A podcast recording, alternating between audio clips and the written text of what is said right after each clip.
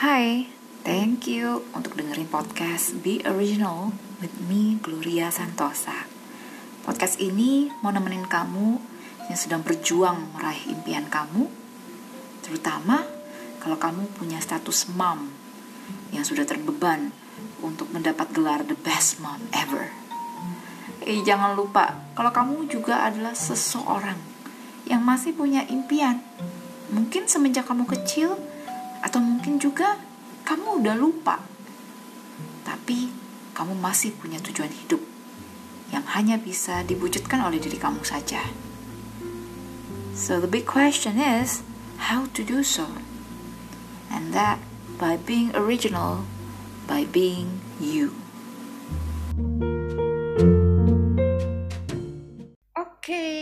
Lagi di kali ini dan ini nih. Kalau kamu hmm. dengerinnya melalui podcast kali ini kalau misalnya kamu juga kebetulan pengen banget untuk ngeliat eh, aslinya saya gimana kamu bakal bisa lihat langsung di YouTube. Dan hmm, kali ini saya juga punya seorang teman baru. Nah yang ini adalah Ibu Devi. Halo. Halo Ibu Gloria. Ibu Devi. Uh, Ibu Devi adalah seorang guru ya Bu ya? Ya. Nah, jadi uh, ibu ibu kasih tahu dulu dong bu kenapa sih bu pengen jadi guru bu mungkin?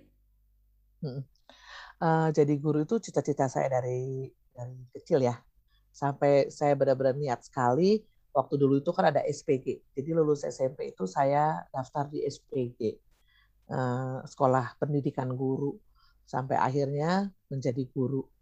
Uh, karena saya uh, senang mengajar gitu ya. Terus melihat uh, seseorang, seorang anak itu dari tidak bisa menjadi bisa. Itu rasanya luar biasa. Melihat perubahan dari yang um, mungkin uh, kurang baik, kemudian menjadi baik, itu rasanya wah tidak terbayarkan dengan apa pun gitu. Ada suatu perasaan puas, bahagia gitu ya. Gitu. Oke, makanya nih pas banget karena kita mau ngomongin soal perubahan, Bu. Kalau oh, iya di, di awal episode ataupun juga judulnya aja kan ya Bu kita mau ngomong adalah soal yeah. be original uh, about yeah. start being you bahwa kita harus ya. menjadi yeah. diri kita yang sebenarnya. Benarnya. Tapi kalau kita ngomong soal berubah, ya ini mungkin saya perlu komentarnya Ibu nih. Yeah. Apakah kita sebenarnya perlu untuk uh, mempunyai pikiran uh, atau mempunyai uh, apa ya keinginan untuk berproses atau berubah gitu? Untuk ya, ya untuk terus menerus berubah lah gitu. Ya, setiap kita pasti dan harusnya itu berubah, berubah tentunya ke arah yang lebih baik ya, hmm. begitu. Menjadi manusia yang lebih baik, bukan hanya sekedar moto, tetapi benar-benar kita jalani. Dalam setiap proses hidup kita tentunya, karena setiap proses hidup kita kan pasti berbeda ya, begitu. Dan pada waktu kita bisa melewati satu fase, maka kita akan menemukan diri kita, eh kok sekarang saya berubah ya dulu saya nggak seperti ini loh. Sekarang bisa lebih wise gitu ya. Sekarang saya bisa lebih tenang menghadapi segala sesuatu itu berubah jadi lebih baik gitu. Yeah. Ya. Uh, atau uh, melewati suatu bagian kita merasa oh saya ini kali kok berubah. Saya bisa jadi lebih uh, rohani ya.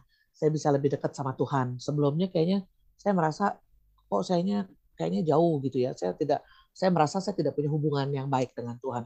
Yeah. Tetapi setelah melewati uh, pergumulan hidup, banyak hal yang terjadi begitu. Ada perubahan yang luar biasa, pastinya yang baik yang terjadi dalam hidup kita. Ya, ya. Jadi setiap orang itu uh, harus berubah, tapi ke arah yang lebih baik pastinya begitu ya. Nah kadang ya. tapi masalahnya adalah kita tuh pengen berubah. Mungkin ya kalau saya, saya nggak sebutin orang-orang semua deh. Tapi ya. uh, bagi saya, saya pengen berubah kadang-kadang menjadi seperti orang lain gitu uh, walaupun menurut saya itu memang uh, apa saya tahu itu tidak baik gitu.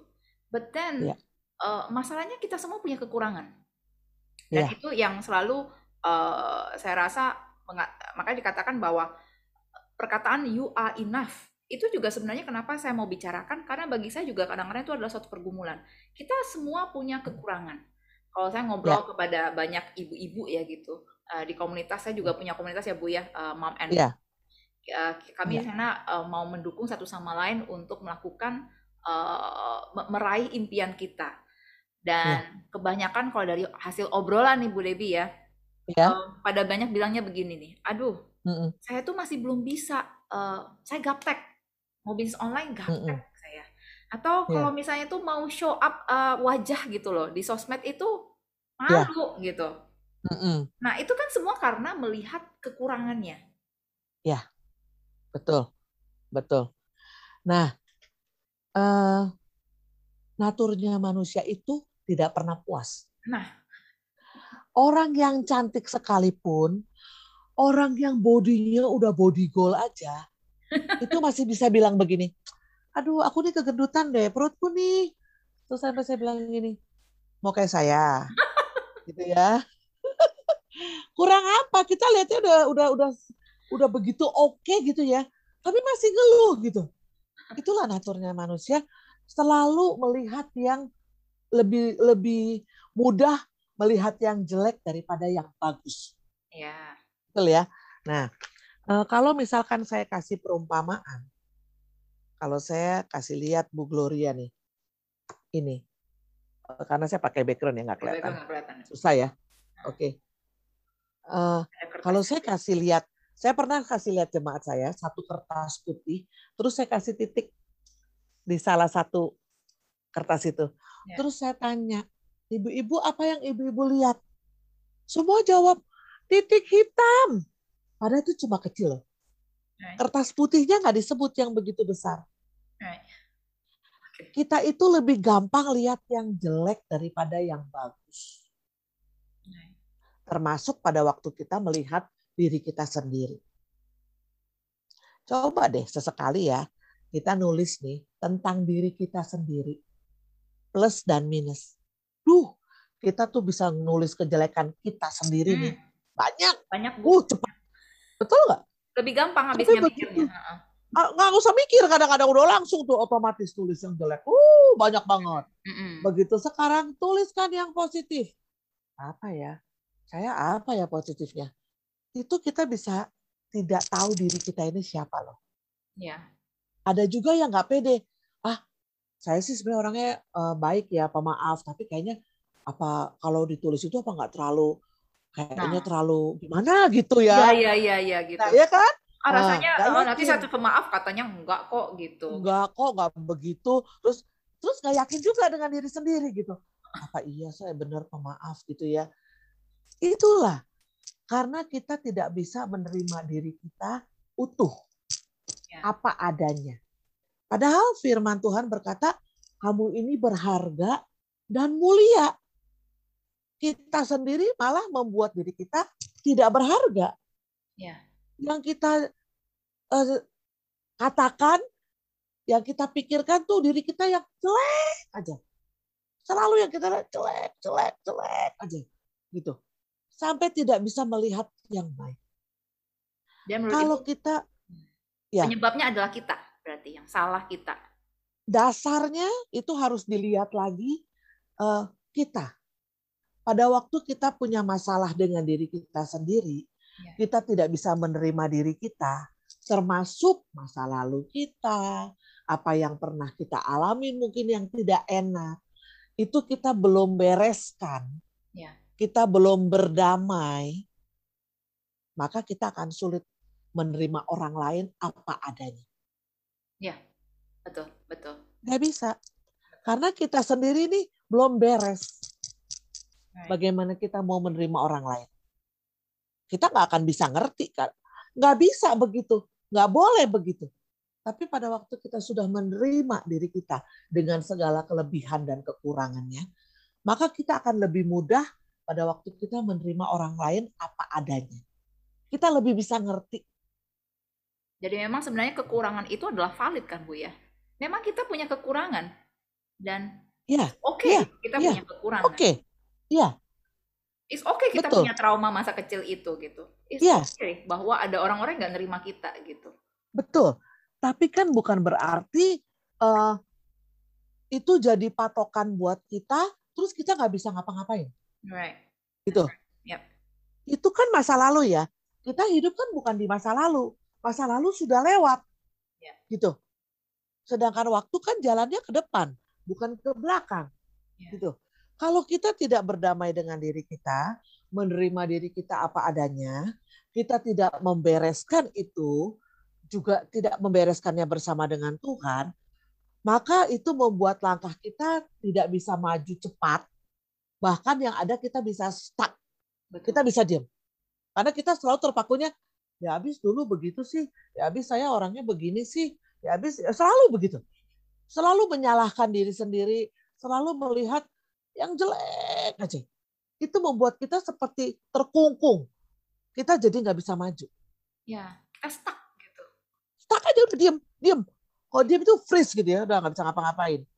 Kalau freeze itu bisa bisa melakukan sesuatu nggak? Bisa ya. jadi berguna nggak freeze? Nggak ya. bisa. Iya. Beban gitu. yang berat itu dan bahkan kadang kalau saya sekarang menyadari bahwa ternyata ya. beban itu saya berikan juga kepada anak saya gitu. Tanpa sadar. jadi kita belum beres, kita jadi kayak kayak dalam tanda kutip itu mentransfer. Ya. Gitu. Sebenarnya kan nggak boleh. Karena pada waktu kita sudah beres dengan diri kita, dengan masa lalu kita, kita sudah bisa menerima diri kita apa adanya. Tapi bukan berarti gini ya, ada orang gini, ya emang saya begini, ya saya emang begini apa adanya. Terus jadi alasan untuk tidak berubah. Itu salah. Ya. Gitu. Apalagi kalau yang yang dia tidak rubah itu, itu merugikan orang yang ada di sekitar dia, ya. membuat orang tidak nyaman. Ya. Itu harus berubah. Ya. Jangan terpaku hanya, ya udah saya terima diri saya adanya karena ya saya begini. Jadi saya nggak bisa berubah. Nah, manusia itu paling gampang cari pembelaan diri kok. Ya, ya itu gitu. jadi alasan ya. Jadi alasan, jadi alasan yang trauma lah, masa lalu lah, masa lalu kah. Kalau kita tahu, oh problem utama saya kenapa saya nggak bisa menerima diri saya ini? Karena saya terkungkung oleh trauma. Cari orang yang bisa bantu kita menyelesaikan. Yang bisa kita percaya, yang bisa menolong kita.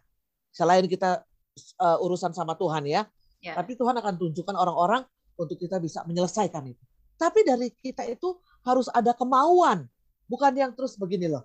Uh, sering kali saya ibaratkan Tuhan kasih hikmat saya, seperti kita jatuh di kubangan atau jatuh di lubang yang ah, kotor bau, terus kita cuma gini, aduh bau, aduh gelap, aduh nggak enak. Tapi kita nggak berusaha bangun, ya. nggak berusaha keluar dari situ. Ya. Cuma sibuk mengomentari bau ya, kotor ya, nggak enak ya.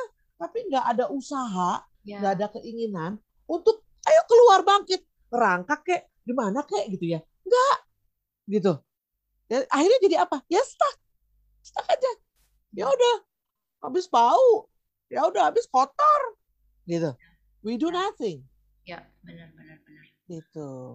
Dan kadang bahkan saya sebenarnya kalau kadang saya menyadari gitu ya, kalau kita melihat orang-orang ya. yang cacat gitu ya, orang cacat dari ya. lahir ya. dan dan melihat bahwa wah gila gara-gara cacatnya itu malah dia uh, bisa bersyukur dengan hidupnya, dia bisa menerima. Itu malah jadi ya. inspirasi loh buat kita loh gitu ya. Malah ya.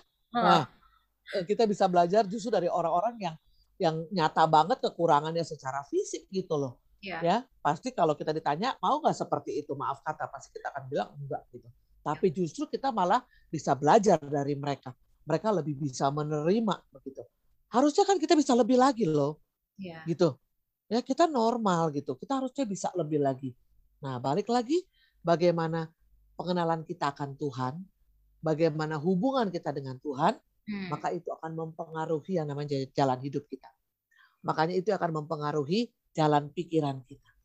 Hmm. Jadi menurut Ibu pertama adalah satu kita harus menerima diri kita sendiri dulu. Tapi yang ya. kedua berarti bahwa kita harus menerima secara uh, kebenaran itu bahwa memang kita sudah dilahirkan dengan secara istimewa dan unik itu ya. Ya, betul. Karena setiap manusia seperti se saya seorang guru ya, buat saya setiap anak itu unik dan berharga. Ya. Jadi setiap anak punya kelebihan masing-masing. Saya nggak bisa bandingin uh, ini sama, uh, si A sama si B. Kok si A nggak kayak si B? Ya iya pribadi yang berbeda. Jangankan begitu. Saya ngajar nih uh, bisa uh, mengajar kakak beradik kandung gitu ya. Dulu saya megang kokonya atau cicinya, sekarang megang adiknya. Dan biasanya itu sifatnya bumi langit. Cukup dalam hati astaga beda banget ya dulu cicinya nggak begini ya ampun dulu kokonya marapi gitu ya atau ya ampun dulu kokonya selebor tapi ini adiknya rapinya luar biasa cukup dalam hati. Tapi tidak pernah saya katakan eh dulu kokomu rapi loh nulisnya kok kamu jelek sih orang sampai tua tidak senang dibandingkan dengan siapa pun. Karena kalau kita tahu setiap orang itu punya kelebihan masing-masing. Dari sifat bisa kita lihat. Oke, mungkin si A dia pintar secara akademis, tapi tidak bisa bergaul. Nggak luwes. Si B biasa-biasa aja belajarnya. Tapi friendly, disukain sama teman-teman. Temen sampai berebut mau main sama dia sampai ditarik ke sana ditarik ke sini gitu ya, ya, ya yang ya. A tuh bisa sampai ngeliatin karena dia nggak begitu gitu ya. jadi sebenarnya ajang belajar buat kita ya. nggak ada orang yang sempurna semuanya baik uh, eh, 100% tapi juga tidak ada orang yang jeleknya sampai 100%. Sejelek-jeleknya nih orang menurut kita pasti ada satu aja kelebihannya. Hmm. Tapi saya kurang-kurangnya. Saya teringat dengan apa yang Ibu ceritakan tadi itu saya adalah anak yang begitu yang melihat anak uh, uh, teman lain. Kok bisa ya dia jadi teman yang digandrungin sama teman-teman gitu ya? Kok yeah. ada ya? Saya kok teman saya sedikit gitu. Itu jadi bahan perbandingan saya gitu bahwa yeah. uh, mungkin karena Ibu tadi bilang ya bahwa saat kita bisa menerima diri kita, kita bisa menerima orang gitu. Itu jadinya kayaknya standar yeah. secara langsung ya. Iya. Iya, karena uh, kita memandang orang tuh jadi uh, tidak dengan penuh curiga, tidak dengan penuh prasangka, los aja gitu, enak aja gitu, ya. Tapi kalau kita punya sesuatu yang masih kita uh, belum beres, maka rasa curiga itu besar sekali. Ya. Kok dia baiknya sampai segitunya sih? Jangan ada maunya nih. Gitu. Kurang bisa menerima dengan tulus.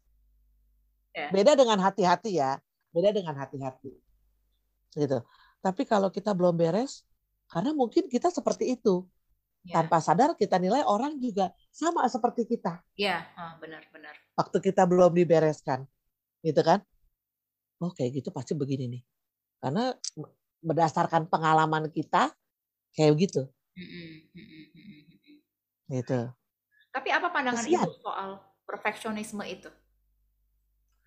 Perfeksionisme itu selama pada jalur yang baik dan benar, tidak merugikan diri sendiri dan orang lain, itu bagus. Tapi sering kali yang saya temuin kalau orang perfeksionis, uh, dia sendiri jadi frustrasi, orang yang ada di sekelilingnya juga jadi lebih frustrasi. Karena kadang-kala standarnya kan tinggi, jujur aja ya. ya. Kalau orang perfeksionis itu standarnya tinggi, dan tanpa sadar dia akan menuntut orang lain sama seperti dia begitu orang lain tidak sama seperti dia, kesel dong. Ya. Permarah. Kenapa sih gitu aja nggak bisa? Menurut dia gitu aja nggak bisa. Buat orang lain itu setengah mati loh ngerjain itu. Karena mungkin buat dia itu satu hal yang mudah. Hmm. Karena standarnya ya perfect kan gitu. Ya. Tapi di dunia ini kan kita ketemu banyak orang. Nggak semuanya juga sama kayak kita. Gitu. Ya, benar-benar. Dan memang sebenarnya tidak ada ketidak uh, ketid, tidak ada yang namanya sempurna ya, Bu ya. Sebenarnya sempurna 100% nggak ada. Gitu. Kesempurnaan itu hanya milik Tuhan. Oh, iya. Gitu. Yang Jadi Dorca bilang uh, ya. Iya, dan kadang-kala orang itu bikin standar sendiri sempurna sih ya. Misal nah, begini. Iya. Oh, kamu tuh udah jadi wanita yang sempurna kalau sudah menikah, terus menikahnya punya anak. Hmm. Kalau nggak punya anak, kamu nggak sempurna. Eh, eh, eh, eh, eh. Kita nggak bisa loh bikin standar itu. Anak itu bukan urusan kita. Anak itu urusan Tuhan. Betul. Kadang manusia bikin standar sendiri kan, yang ya. udahnya jadi kita pusing sendiri. Ya, itu adalah hal yang salah. Jadi kontrol ya. Ya, Jangan gitu karena kita ya nggak bisa nutup mata juga ya. Ada orang-orang yang punya pemikiran seperti itu konsepnya. Ya. gitu. Jadi kesian sebenarnya. Jadi sempit kan? Mm -mm. ya bikin pandangannya jadi sempit gitu. Ya benar-benar. Nah yang kesian orang-orang yang ada di sekeliling dia yang jadi korban. Iya, iya, iya, benar-benar, benar. Hmm, sayang sekali ya. Jadi sekali lagi kalau memang kalau kita memang tidak uh, Oh, soal prinsip itu sekali lagi ya mungkin ya. Um, ya. Saat kita punya prinsip yang malah akan merugikan orang lain, um, mm -hmm. mungkin karena itu ya kita lupa akan adanya orang lain gitu. Kita kadang-kadang selalu melihatnya ke diri sendiri bahwa No, Ya, saya maunya seperti ini. No, saya maunya saya lebih daripada eh, apa yang saya pikirkan sekarang gitu. ya, Prinsip-prinsip itu yang kadang-kadang akan membuat kita stuck dan ya tidak berubah.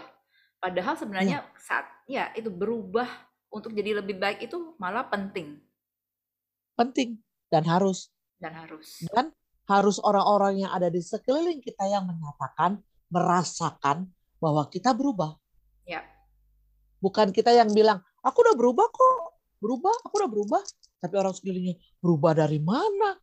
Tetap aja kayak serigala, tetap aja kalau ngomong bikin orang sakit hati, sadisnya semena-menanya. Sampai orang menyatakan, eh berubah ya, sekarang nggak kayak, nggak kayak dulu loh. Itu baru kita berubah. ya, Walaupun kita nggak bisa pakai juga standar omongan orang. Hidup kita itu bukan berdasarkan apa kata orang, tetapi apa kata firman Tuhan. ya, Karena kalau orang itu, menurut orang nih ya, oh kamu hidup yang benar tuh harus sampai standar A. Kita susah Pak, ya sampai ke standar A. Sampai di A nih. Kita pikir orang akan puji kita, orang akan mengakui kita. Begitu sampai di standar A, terus orang bilang gini, ya A oke sih, tapi lebih bagus kalau bisa B. Kita berusaha sampai ke B. Sampai ke B, ya B oke sih lah ya, tapi ya kalau bisa D sih ya lebih bagus. Nggak ada habisnya, betul. nggak ada habisnya. Itulah yang yang Kita bisa belajar, dikontrol. Perkataan orang ya yang. Kita Hmm, nggak bisa kontrol nih mulut orang untuk tidak berkata tidak baik. Nggak bisa kan? ya, Ada orang yang begitu ketemu kita eh, nggak pernah ketemu, lama udah nggak pernah ketemu gitu. Bukan nanyanya, hei apa kabar? Ih, puji Tuhan ya sehat. Enggak, tapi pernah ketemu ya. Udah lama nggak ketemu, ibu-ibu terus jawabnya gini, eh ibu makin gendut aja. Oh, saya senyum aja, puji Tuhan, terima kasih. Dongkol nggak dongkol lah ya, gitu. Kenapa sih mesti disebut gendutnya? Bukan nggak nerima ya, tapi itu Iya, secara etika. etika itu sebenarnya. Iya. Etika, bukan saya nggak terima, saya tahu saya gendut gitu loh. Tapi cantik kan gitu. Kenapa mesti Iya. disentuh? Kenapa kalimat pertama ketemu tuh bukan, Bu apa kabar? Ibu sehat ya, saya lihat puji Tuhan gitu kan enak ya. Bu tambah gendut aja. Saya bilang ini nggak ada apa kabar, nggak ada bagaimana, langsung begitu ya. Ini ibu ini etikanya di mana ya, gitu. Atau mungkin dia menilai itu salah satu eh, keakraban, Akraban. tapi akrab juga nggak gitu-gitu amat ya. Gitu. Sekali lagi bukan tidak menerima, tetapi kalau saya melihat itu dari segi etika. Ya, Jadi ya. kita juga hati-hati ya kalau ketemu teman, saudara gitu, mungkin sudah menikah lama tapi belum dikaruniai anak. Jangan, "Eh kapan nih? Kok belum isi-isi?" Itu jangan.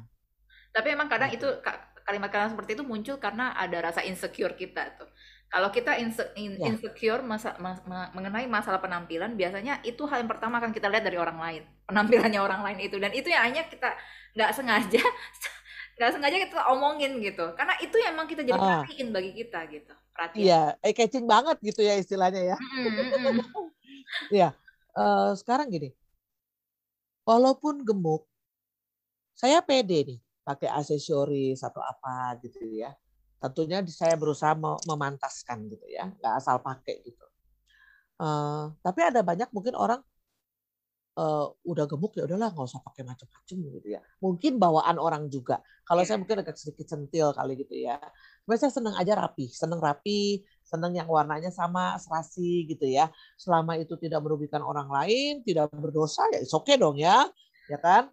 Gitu. Malah ada beberapa orang lihat saya tuh seneng gitu karena menurut mereka ibu tuh modis ya gitu. Cuman gak dibilang aja gendut tapi modis gitu ya.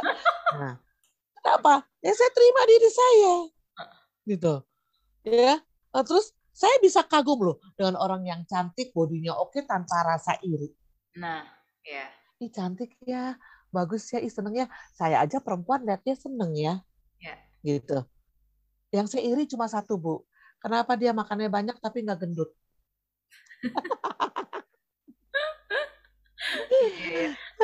Karena kalau kita bisa menerima, makanya kita bisa uh, membuat hal itu jadi suatu lelucon ya. lelucon betul kita bisa menertawakan kekurangan kita Iya. pada waktu kita bisa menertawakan kekurangan kita itu berarti kita sudah bisa menerima diri Hmm, kita hmm. selama orang itu tidak bermaksud menghina atau bercandanya keterlaluan tentang kekurangan kita, eh, kita bisa terima. it's okay. Malah jadi lucu-lucuan gitu ya. Ya, ya, Tapi ya. kalau orang itu uh, bercandanya udah keterlaluan, menyinggung, main fisik yang body shaming lah ya sekarang istilahnya ya. Nah itu kita bisa marah, tapi bukan berarti tidak menerima. Ya. Begitu. Karena kadang-kala orang juga harus belajar uh, beretika yang baik Ya, gitu ya, menyampaikan sesuatu yang baik ya, ya, begitu. ya.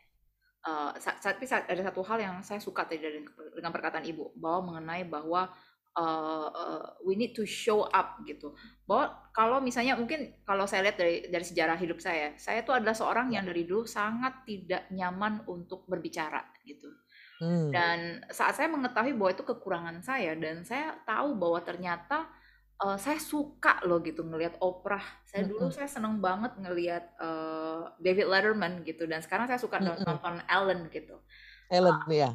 Ellen DeGeneres dan saya Ya. memutuskan makanya saya bikin podcast gitu Uh, walaupun saya tahu mas saya masih belum bisa berbicara dengan baik tapi saat saya mulai untuk bikin podcast walaupun Iya. baru dua kali bikin podcast rasanya ada suatu kayak apa ya uh, healing Percaya gitu. diri.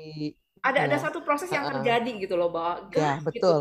saya saya mulai untuk bisa uh, melihat bahwa kekurangan saya memang Iya. memang bisa menjadi sesuatu yang Satu yang yang menarik gitu loh jadinya betul betul. Itu jarang loh bu orang seperti itu. ya Biasanya orang selalu terpaku pada kekurangan. hmm. Udah tahu saya nggak bisa ngomong, disuruh ngomong. Loh, kenapa sih nggak belajar melihat? Oh, siapa tahu ya ini saatnya saya jadi belajar berani ngomong. Betul nggak? Kadang-kala kan kita nih perlu dipaksa loh, ya perlu dipaksa untuk bisa jadi eh, sesuatu yang kita nggak pernah sangka gitu ya. Ternyata setelah dicoba kita bisa, bukan berarti nggak bisa gitu ya. Ternyata kita bisa gitu. Eh, jadi saya salut sama ibu. Kalau ibu dari kekurangan ibu tahu kekurangan ibu nggak bisa ngomong, tapi malah sekarang bikin podcast. Ibu pernah jadi penyiar radio, itu luar biasa loh. Nah, nah Gitu. sebenarnya itu Justru saya ibu rubah, ibu rubah kekurangan ibu itu jadi sesuatu yang eh, apa ya? Jadi jadi berkat itu jadi sesuatu yang ibu naikkan justru gitu. Itu luar biasa loh. ya. Itu baik sekali. Dan dengan itu kita jadi sembuh ya, jadi pulih. Iya, karena itu memulihkan bisa saya sebenarnya. Tujuannya itu memulihkan gitu. Ternyata saya tuh nggak seini ininya amat ya. Saya bisa Iya. ngomong loh. Eh, ternyata saya bisa ya. Itu rasanya walaupun kita nggak belum sampai kayak Oprah atau eh, Ellen ya, tapi kita merasa jadi percaya diri kan, Iya. lebih percaya diri gitu.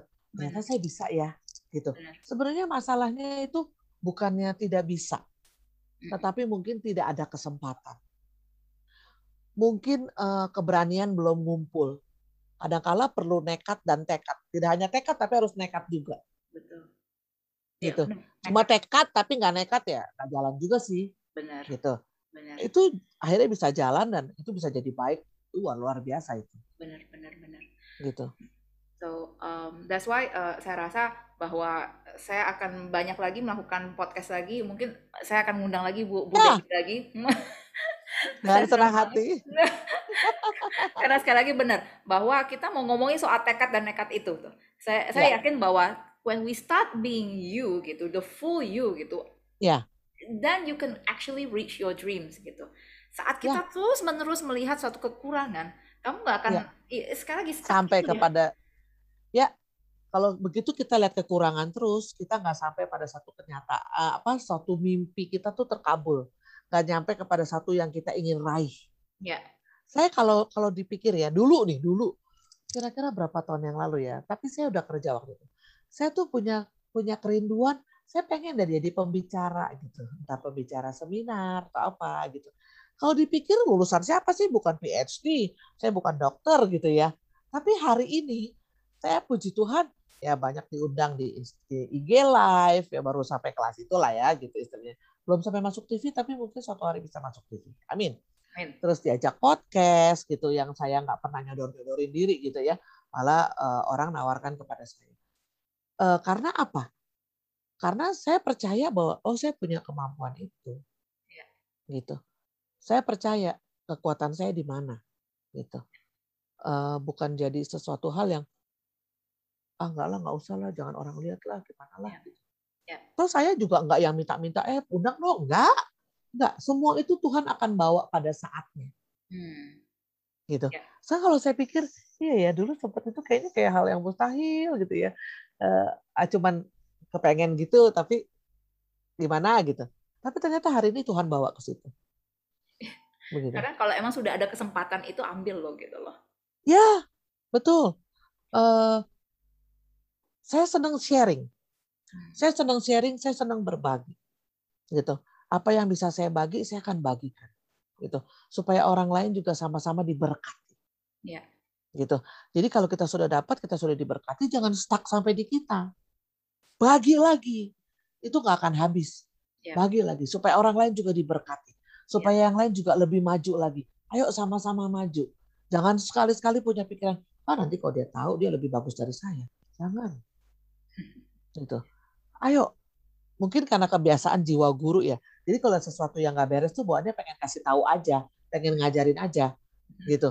Enggak, bukan begitu caranya. Yang benar tuh begini. Ini kamu mesti begini gitu. Ya. Itu ada satu kepuasan tersendiri ya. Mungkin ya. kalau buat orang yang nggak bisa terima, dibilangnya kepo. Terserahlah. Saya kadang nggak punya maksud apa-apa kok. Benar-benar tulus ingin membantu, ingin apa eh, sharing gitu, eh, memberikan eh, tips-tips yang baik gitu supaya bisa sama-sama baik gitu ya kan enak ya. ya. Masa sih kita bisa lihat orang uh, jadi jelek terus kita tepuk tangan rasain kan nggak bagus gitu waktu kita bisa oh puji Tuhan ya yang kita sampaikan dia bisa lakukan terus dia bisa jadi bertumbuh bisa jadi baik itu kan ada satu kebahagiaan sendiri gitu ya, ya. waktu hidup kita ini bisa jadi berkat buat orang lain ya ya karena memang singkirkanlah perkataan-perkataan negatif itu loh dari pikiran ya. apa pun harus itu dari diri kita sendiri ataupun dari orang ya. lain baik. orang lain Apalagi kita sering kali ini mengutuk diri kita. Hmm. Aduh, gue nih yang bego deh, bego. Ya, ah, hmm. ngomong bego, jadilah kau bego. Ya. Aduh, gue apes nih, ya apes lah. Hati-hati dengan perkataan. Begitu. Apalagi waktu kita juga mengatakan orang kepada orang lain. Kalaupun kita kesel nih ya, dalam hati, uh, kesel banget sama tuh orang tuh, rasanya pengen saya bejak-bejak nih ya. Udah dalam hati aja. Jangan sampai keluar.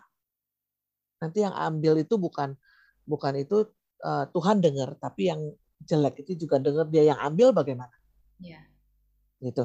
Makanya saya suka bilang sama anak-anak, siapa yang uh, suka uh, pernah dibilang misalkan bodoh, aku bu, aku saya sedih loh waktu zaman masih sekolah offline gitu ya. Uh, aku bu, siapa yang bilang? Pikir saya mungkin mbaknya ya, tak apa.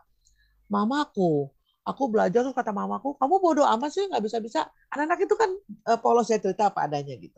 Terus saya selalu bilang, bilang uh, dalam nama Tuhan Yesus, saya tidak bodoh, ya saya pinter. Enggak, kamu nggak bodoh kok. Saya bilang, kamu pinter, cuma belum bisa. Beda nggak belum bisa sama bodoh? Ya. Beda. Ya belum bisa karena dia belum tahu kan. Ya. Itu tugas kita ngajarin, kasih tahu. Tapi bukan berarti dia bodoh loh. Benar. Itu. itu saya sedih sih kalau dengar seperti itu sih karena kadang-kadang kita jadi yeah. orang tua kadang-kadang terlalu emosi dan kata-kata yang seperti itu yeah. terkatakan gitu dan itu yang teringat terus nanti. teringat ternyata itu hmm. kalau orang Betul. bilang jangan sampai menyebabkan trauma kepada anak kata-kata yang kayak gitu aja bisa trauma kata-kata gitu aja bisa trauma betul betul apalagi kalau orang tua sekarang semestinya bisa lebih baik ya karena udah banyak uh, apa ilmu-ilmu lah yang sekarang tuh yang oke. Okay. Kalau orang tua kita zaman dulu kan mungkin karena mereka belum tahu banyak ya. ya. Jadi kita juga nggak bisa nyalahin begitu. Ya sudah itu terimalah sebagai bagian dari pembelajaran kita di masa lalu. Bukan jadi kepahitan. Oh, dulu mama saya begituin saya. Saya sama anak mesti begitu juga. Salah. Tapi justru, oh dulu mama saya karena belum ngerti. Sekarang saya jauh lebih ngerti. Saya nggak boleh melakukan hal yang seperti itu yang dulu mama saya mungkin lakukan yang salah. Itu ya. yang harus kita ambil. Ya. Begitu. Hanya kadang-kadang sekarang Bu ya kita saking terlalu banyak ya. informasi, ya. terlalu overloaded dan kadang terlalu ya. overloaded, kadang kita terlalu mengkritis diri kita uh, terlalu hmm. tinggi kadang gitu. Jadi kadang-kadang kita adalah kritikus yang paling tinggi terhadap diri kita gitu. Ya. Betul. Ya, dan itu memang sebenarnya ya sangat disayangkan sekali lagi gitu. Walaupun kita tahu bahwa sebenarnya sudah is okay gitu, is enough gitu untuk kita merasakan hal-hal yang sudah negatif-negatif ini udah enough gitu. Tapi kita terus-menerus kita akan stuck dengan pikiran-pikiran negatif itu gitu. Iya. Uh, kita sendiri yang harus mengenyahkan itu. Ya. ya. Karena kan pikiran kita orang lain nggak bisa baca. Ya. hanya kita dan Tuhan yang tahu. Ya. Gitu. Jadi kita sendiri yang harus mengenyahkan, mengusir itu jauh-jauh dari pikiran kita. Bukan kita diemin, kita kasih makan.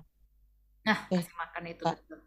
Ya kan? Eh, Mm-mm. kamu kamu tuh bodoh. Kamu tuh Mm-mm. dulu kan masa lalumu begini. Hmm, kita Oh, nikmatin kita harus perkatakan. Oh, kita nikmatin. Iya, iya benar ya. Hmm. Makanya nih aku jadi seperti ini nih. Ini sih, wah, mulai menyalahkan ini, menyalahkan itu. Pahit, Ya, marah. ya. ya. Tapi begitu pikiran itu timbul langsung dalam nama Tuhan Yesus. Nyah segala pikiran yang datangnya bukan daripada Tuhan. Aku pemenang, bukan korban. Aku orang yang diberkati Tuhan. Berkat Tuhan atas aku luar biasa. Yes. Aku akan naik seperti bintang dan tidak pernah turun. Karena tangan Tuhan yang akan menopang dan menguatkan aku. Aku orang yang diberkati. Dan tidak hanya diberkati, tapi aku juga jadi berkat. Yes, perkatakan itu ya. Perkatakan itu bukan tiap Perkatakan hari kalau itu. perlu. Setiap hari, setiap hari. Ya. Daripada kita mengatakan, aduh bodoh ya gua, aduh kenapa ya. Begitu terus yang kita katakan. Makanya kita lihat hidup kita tidak semakin baik. Ya, Hmm. Ya. kalau kita bisa me- me- apa ya? Kita bisa me- memberikan makan kepada yang negatif-negatif itu kita bisa memperjuangkan yang baik itu. Harus, harus. Gitu. Ya. Eh, kenapa tidak begitu? Ya. Ini kalau kan Tuhan bilang kasihilah sesamamu manusia dan dirimu sendiri. Mengasihi loh, bukan mengasihani. Ya, Kita tuh terjebak dengan mengasihani. ya, Kasihan ya kamu ya, masa lalumu. Ya ampun, kamu begini amat hidupnya ya, gitu. Itu mengasihani. Tapi kalau mengasihi, kita akan jaga tubuh kita. Kita tidak biarkan hal-hal yang jelek masuk dalam pikiran kita. Kita tidak biarkan orang berbuat seenaknya dengan tubuh kita. Ya. Kita menjaga merawatnya dengan baik. Itu kita mengasihi ya, mengasihi diri kita. Ya. Jangan terjebak dengan mengasihani. Hmm. Iblis tuh pinter sekali. Hmm. Yang dia pakai caranya bukan eh diserem-seremin gitu ya, bukan. Dia masuk lewat bela, eh, dia masuk lewat perasaan. Dia itu nggak bisa baca pikiran kita, tapi dia pancing. Nah kita kepancing nggak? Ya. Tuh kan, kamu begini gara-gara itu kan? Hmm. Dia cuma mancing loh. Kalau kita kepancing, iya ya, benar. Gara-gara itu nih, saya jadi kayak begini. Tapi kalau kita tahu, kita bilang, eh nya kamu jangan intimidasi aku ya. Apa yang Tuhan sudah rencanakan buat aku indah dan luar biasa. Aku Hmm. percaya pada- masa depanku sungguh ada dan itu akan dahsyat. Hmm. Karena bersama dengan Tuhan, aku lakukan perkara yang besar. Ya. Bersama dengan Tuhan, aku bisa mengatasi ini. Saya rasa kadang perkatakan itu dengan mulut, masih Mulut. bersuara sampai Bersuara. hati kita mendengar, Karena waktu kita bersuara, telinga dengar, telinga dengar. telinga dengar kan, telinga kita dengar, ini juga jiwa dengar, Tuhan dengar, yang jelek juga dengar. Yes. Kalau kita cuma dalam hati nih, dalam hati, Yes. dalam hati ngomong, ini pikiran di sini gini, masa iya, benar, benar nggak? Iya. Kalau kita bersuara, itu udah nggak sempat mikir apa-apa di sini. Ya. Tapi kalau kita di dalam hati, ini di sini nih, usut nyerang nih, benar, yakin. Hmm. Memang seperti orang setengah KKR sendiri kalau kayak gitu. KKR ya, oke. Iya, iya, Karena benar. pada waktu saya eh, deklarasi seperti itu, aku perkatakan masa depan keluargaku indah dan luar biasa. Apa yang menjadi jatah dan bagian keluargaku, aku, suamiku, dan anakku, aku terima utuh. Tidak ada yang terputus dan tercecer di tengah jalan. Semuanya baik sesuai dengan rencana Tuhan. Paksakan Tuhan, rencanamu terjadi atas hidupku. Betul, betul. Semua yang baik, semua yang manis, semua yang dengar, semua semua yang mulia terjadi dalam hidupku, dalam hidup keluargaku dari hari ini sampai selama-lamanya. Kami dijaga Tuhan, kami dipelihara Tuhan. Malaikat Tuhan berkemah di sekeliling kami, menjaga kami, pergi dan keluar, mas- masuk dan keluar. Ada perlindungan Tuhan yang maha tinggi turun atas kami. Perkatakan itu. Katakan itu. Itu kalau udah begitu sambil ah seru sendiri. gitu. Iya, iya, iya. iya. Gitu. Iya, benar. benar. Dibanding apa kita cuman Iya, yang ada tuh yang lain yang masuk nanti. iya. Begitu. Iya, karena saat kita berdiam-diam itu sebenarnya kadang-kadang pikiran kita juga melayang-layang dan juga saat Layang-layang. dan saat melayang-layang. melayang-layang itu kebanyakan malah yang gampang yang negatif-negatif yang gampang masuk. Yang negatif pasti yang akan masuk. Karena ya itu yang, yang kelihatan. negatif. Itu yang Ya. kelihatan, yang lebih yang lebih negatif Lebih. itu lebih kelihatan. lebih kelihatan dan itu akan akan di, di, di ditembakkan ke kita gitu ya. Nah kita ini kepancing atau enggak? Ya. Gitu. Ya, wow, wow, oke. Wais, perkatakan, perkataan setiap hari kalau perlu Ya setiap jam kalau kalau ada perasaan-perasaan yang Begitu. jelek itu lagi na- Ya. ah, masuk. cepet langsung Hmm. langsung. Jangan ah, nanti ah jam doanya kan ntar jam 3. Serangan datang jam 12. Keburu keok kita. Betul. Iya, iya, saya iya. kasih saya, saya ba- berbagi ya. Eh, waktu zaman masih ngajar di sekolah. Ini lagi keadaan anak-anak belajar, nggak ada apa-apa loh ya. Saya nggak sedang baca apa-apa, saya sedang tidak nggak berpikir apa-apa. Bisa tiba-tiba nih ya, set, itu kayak nggak ada sukacita. Saya bisa tiba-tiba perasaan nggak enak, kesel gitu ya. Saya langsung ngomong sama eh, apa rekan saya, "Eh, saya ke WC dulu ya. Saya ke WC guru, saya ke WC guru, itu ada wastafel, ada kaca. Langsung saya perkatakan, dalam nama Tuhan Yesus, eh, kembalikan sukacitaku ya, hai iblis. Jangan intimidasi saya ya. Dalam nama Tuhan Yesus, ayo pergi, pergi. Ya, ya. Saya harus harus segera gitu loh. Enggak, nanti deh tunggu. Saya nggak diemin. Dalam nama Tuhan Yesus, sukacita yang dari Tuhan turun atas aku. Mengalir, mengalir, mengalir. Dalam nama Tuhan Yesus, sukacita damai sejahtera Tuhan. Yes, yes, terus mengalir, mengalir. Nah, sampai saya rasa itu hilang, baru saya masuk. Nah, Kalau saya diemin, ya saya kepancing. ya, Anak nggak salah saya marahin. Bisa dong, namanya saya kan masih manusia. ya, ya, ya. Temen mungkin nggak maksud salah, salah, bisa jadi salah paham sama saya. Rembet, Belum nanti kalau ketemu yang lain, kacau kan urusannya. ya. Rembet Nah. ke mana-mana. Padahal Rembet ke mana-mana. Masalah kecil. Nah, masalah kecil loh. Itu tuh ya. Itu yang namanya lawanmu si singa mengaum-ngaum itu. Itu dia akan keliling cari terus. Yes. Ya, dia aja nggak nyerah, masa kita nyerah sih? Ya. Gitu loh. Yes. Jadi ya harus begitu, jangan eh ada kesel, udah, udah. Nanti aja deh doa. Harus saat itu. Jadi saya ke WC sebentar. Dah, Iya. Saya beresin. Dah. Baru masuk. Nah, Jadi tidak ada yang terluka. Makan, anak saya lagi nggak Hmm. mau makan, anak saya lagi nggak mau bikin PR atau nggak mau dengerin saya, mungkin saya sebaiknya keluar aja dulu. Tenangin dulu, langsung tenangin dulu. langsung doa langsung kali ya. Supaya betul, karena supaya nanti tidak keluar yang tidak-tidak. Ya, Gitu.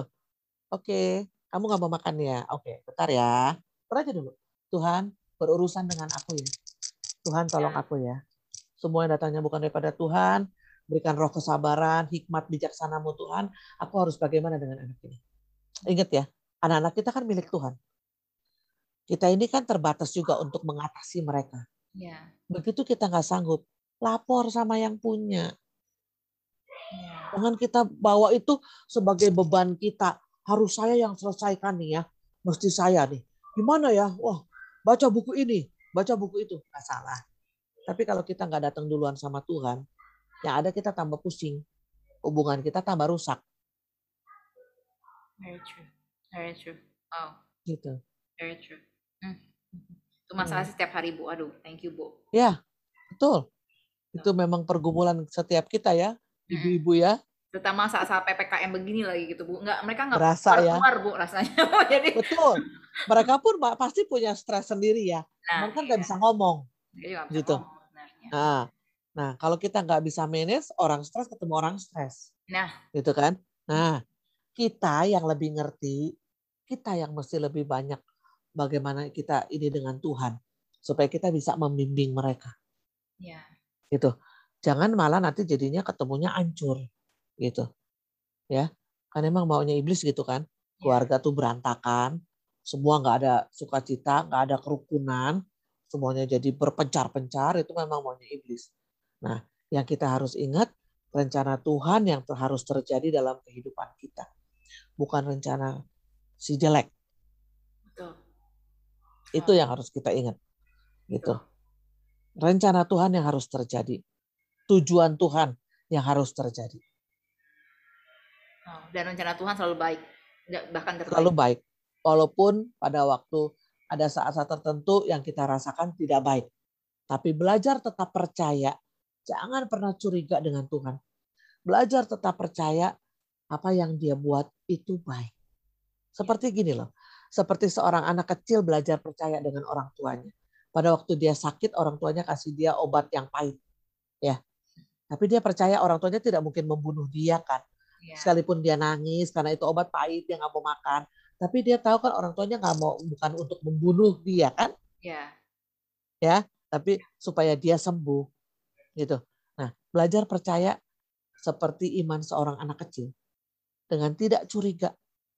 Percaya dengan tulus, percaya dengan benar-benar hati tuh kalau Tuhan itu selalu punya maksud yang baik buat kita. Dan belajar percaya bahwa segala sesuatu Tuhan pegang kendali. Seperti anak kecil ya. Dia mikir nggak pernah nggak Alex bilang sama ibu, mami, mami, besok kita makan apa? Beras masih ada nggak mami? Nggak pernah kan? Dia tahu setiap hari pasti ada makanan. Benar. Dia tahu kalau dia minum susu, mau minum susu, susu pasti ada. Kalau nggak ada sih dia minta beli sih bu langsung. Minta beli, tapi ini kan dia nggak mau, dia mana tahu kita punya duit atau nggak punya duit. Iya. Gitu? kami bikin lelucon sih kadang-kadang sih. Aduh, iya. apalagi nggak ada duit gitu. Oh, mm -hmm. ya udah deh nggak apa-apa, tinggal beliin dua aja gitu anak aja bisa so sweet gitu loh kadang-kadang gitu. Iya betul betul ya. Bisa, kita jadi luluh kan gitu ya. Ah. Nah, sekali lagi nih, uh, kalau buat orang tua ya, misalnya gini, mami mami, aku mau beli mainan itu dong. Jangan, mami nggak punya duit. Itu salah. Gitu ya bu ya. Oke. Okay.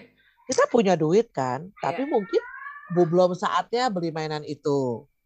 Terus uh, memang uh, kalau misalkan kita beli sedangkan mainan itu misalnya mahal banget gitu ya, kan uh, itu kita ada keperluan yang lain selain mainan gitu ya.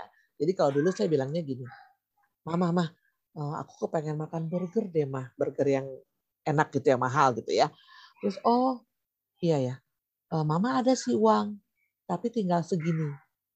Kalau misalkan buat dibeliin burger semua, gimana? Kan mama gajian masih dua minggu lagi. Kan perlu bensin, kita perlu makan setiap hari. Kalau dihabisin itu semua, nanti nggak bisa beli bensin gimana? Makan bagaimana? Oh iya ya, ya deh nanti aja. Kalau sudah ada duit yang lebihan, kita bikin uh, burger sendiri gitu. Oh iya ya boleh juga tuh, boleh juga. Nanti aku yang bikin ya. Iya. Gitu. Jadi tidak pernah saya pakai kata nggak punya duit. Sepertinya kecil ya. Hai Andrew. Hai. Hai Alex. Where are you Alex? Dia sudah hilang. oh dia sudah hilang. gitu. Jadi, uh, Pak aku minta beli ini dong. Oke, tapi jangan sekarang ya. Kalau sekarang uh, uangnya masih pakai buat ini. Nanti ya, kalau udah ada yang misalkan uh, gak usah janjiin tanggal atau bulan. Kalau memang kita nggak bisa ini ya nanti ya kalau pas ada yang itu kita beli. Gitu. Jadi kita maksudnya ngomongnya sesuai dengan kenyataan gitu ya bu ya? Iya iya. Kalau mungkin dulu orang tua zaman dulu tuh gini udahlah anak gak usah tahu kesusahan kita yang penting taunya belajar gitu kan? Ya. kalau sekarang enggak gitu. Supaya apa? Ya untung sih kami bersaudara istilahnya semuanya tahu diri ya. Jadi uh, papa saya itu selalu terbuka cerita. Jadi dia selalu bilang eh, hemat-hemat ya, soalnya ini sekarang karena papa saya orang dagang dulu. Hemat-hemat ya, karena sekarang ini tagihan lagi agak susah. Gitu. Jadi uh, jangan boros-boros. Oh ya, oke okay, gitu. Tapi kalau yang saya terapkan dengan anak saya, saya tidak pernah pakai kata tidak punya uang. Jadi selalu saya kasih tahu bahwa ini kondisi kita seperti ini, adanya segini. Hmm. Jadi uh, supaya dia juga belajar berpikir dan belajar prihatin. Yeah. Supaya nggak apa yang dia mau tuh langsung ada. Kadang-kadang kan orang tua udahlah biarin pokoknya anak tuh uh, taunya ada aja yang nggak perlu tahu susah gitu. Ya. enggak anak itu juga harus belajar tahu kesusahan orang tua. Supaya dia punya rasa empati punya rasa uh, jadi tahu diri gitu loh. Ya. nggak yang nuntut. Dia mana mau tahu orang tuanya punya duit nggak punya duit. Karena orang tua selalu memperlihatkan oke okay, ada oke okay, nggak apa-apa gitu ya. Nanti dapat lagi. Hmm. gitu. Tapi kalau kita kasih tahu dia bisa oh, oh iya ya saya punya ini dia bisa manage gitu loh oh ya ini kan saya nggak penting saya nggak usah beli beli dulu lah karena kondisinya memang belum memungkinkan gitu sampai kemarin sebelum anak saya kerja setiap dia mau sesuatu yang sifatnya agak uh, besar gitu kadang nggak selalu besar juga dia selalu ngomong begini mah uh, papa atau mama lagi ada uang nggak ya aku perlu ini. Gitu. Dia nggak yang langsung, aku perlu beli ini nih, gitu. Nggak, dia selalu bilang, papa atau mama lagi ada uang nggak ya? Aku lagi perlu ini nih, gitu. Jadi nggak yang udah kalimat mati gitu ya saya, kita Iya. perlu ini nih, harus nggak ini, nggak. Terus eh, nanti tanya papa ya kok, saya bilang kalau misalkan eh, mahal juga ya, kalau misalkan itu udah bisa bisa sih nggak apa-apa, aku masih bisa pakai yang ini kok, oh ya oke. Tapi nanti begitu ada ya, oke kita beli ya, gitu. Ya nggak apa-apa kok. Ya, ibu Jadi sering dis- bisa mau apa mengajak diskusi gitu ya anak-anak ya. Iya, karena dari kecil udah biasa saya ajak ngomong. Sampai kadang tuh dulu temen atau saudara gini, anak masih kecil aja diajak ngomong kayak orang gede. Saya mau dia ngerti dengan dia eh, dengan pengertian, by understanding. Ya. Dia ngerti kenapa nggak boleh, kenapa ini nggak nggak nggak dilarang gitu. Nggak cuma sekedar dilarang, tapi dia mesti tahu akibatnya, sebabnya gitu. Kadang membutuhkan penjelasan panjang lebar loh, gitu untuk hal yang buat orang ala begitu aja gitu kan. Ya supaya dia ngerti, gitu loh, supaya dia tahu, gitu. Jadi sampai kita besar kalau pergi bertiga kita ngobrol, kita kasih tahu nih apa-apa pendapatannya segini, mama segini, kita punya tanggungan untuk bayar ini ini ini ini ini. Jadi dia ngerti gitu loh. Oh ya dia tahu. Ya. Dia dia bisa ngerti bahwa nggak banyak nuntut. Ya. Gitu. Tapi memang sekali lagi cara parenting orang eh, kadang-kadang memang berbeda-beda ya Bu ya dan eh, Ya. dan saat emang kadang kalau ada keluarga inti dan juga ada keluarga extended family eh, Ya, ada ada perbedaan cara beda. pandang ya. Heeh. betul. Betul, pasti jadi beda. Ya. Dan ya, ya mungkin kadang-kadang ya itu ya itu aja sih yang kadang-kadang perlu dinegosiasikan dan juga kadang ya bisa dibicarakan lah. Saya, saya- rasa eh, itu juga proses untuk kita jadi seorang tua yang lebih baik juga ya. Untuk kita juga Betul. kadang mendengar juga lah kata-kata dari orang lain juga ya. Orang lain juga Mak, sebagai masukan ya, walaupun nggak semuanya harus kita lakukan. Hmm. Tapi oh jadi pertimbangan, jadi masukan yang baik begitu. Hmm. Kan orang tua zaman dulu juga bukan berarti semuanya salah gitu ya. Ya, Ada banyak hal yang baik kok dari mereka gitu. Ya, benar-benar. Ya. Wow, I, I think wow, this has uh, been a very um, a blessing um, conversation. Saya rasa, saya rasa Terima kasih. pembicaraannya kema- tadi itu kayaknya simple, but then I think ada banyak yang sudah kita bicarakan. Jadi melebar ya. Karena saya rasa emang itu semua uh, sebenarnya membentuk uh, untuk kita menjadi orang tua yang lebih baik, menjadi diri yang lebih baik. Karena saat Ya. kita beren- uh, saat kita udah jadi orang tua, Betul. bukan berarti hidup kita berhenti jadi orang tua doang gitu. Betul, Kita masih punya diri Betul. kita sendiri gitu. And and betul. Tetap jadi diri kita sendiri. Dan kalau kita sudah beres dengan diri kita, maka kita akan bisa me- mendidik anak-anak kita juga dengan baik. yes, Karena kita sendiri sudah diubahkan. betul. Tapi kalau or, saya lihat yang orang tuanya belum bisa lepas dari masa lalu, belum beres dengan dirinya dan keadaan yang masa lalu, itu akan terbawa kasihan anak-anaknya. Iya. Dan juga Itu suami. kebawa. Suami, anak semua kena. yang semua kena. Itu mau tidak mau. Ya. Gitu. Orang terdekat yang kasihan. ya, pekerjaan kita ya orang-orang sekitar pekerjaan Iya, kita juga akan kena. Betul, betul, Ya, wow. betul. Ya, so um, yes, I- I- saya suka banget untuk explore topik ini karena saya sendiri pun mengalami masalah ini dari sejak saya kecil sampai saya sekarang saya merasa saya belum selesai dengan pengenalan akan diri saya sendiri. Saya masih Iya. bergumul dan saya rasa kalau memang hal ini saya bisa uh, menjadi uh, setidaknya kalau orang lain nggak dengan podcast ini setidaknya saya doang yang dengerin tapi saya sendiri berubah dan saya sendiri heal. Uh, Heal. Saya rasa saya, mungkin saya bisa jadi inspirasi untuk orang lain. So hopefully Yes, apa pun yang kami bicarakan untuk hari ini bisa menginspirasi kamu yang sedang dengerin podcast ini dan I look forward untuk uh, untuk berbicara lagi lebih banyak lagi di podcast ini minggu depan so hopefully um, kamu akan dapat inspirasi dan terima kasih untuk Bu Debi yang udah oh, wow wow beriin banyak banget Wow. insight untuk uh, untuk saya dan juga saya yakin untuk semua yang dengerin juga so thank you Bu Ya. Debi Tuhan berkati ya, sama-sama Bu. Ibu. Terima kasih juga buat kesempatan. Tuhan berkati. Stay healthy, stay happy. yes God bless you. Tuhan berkati.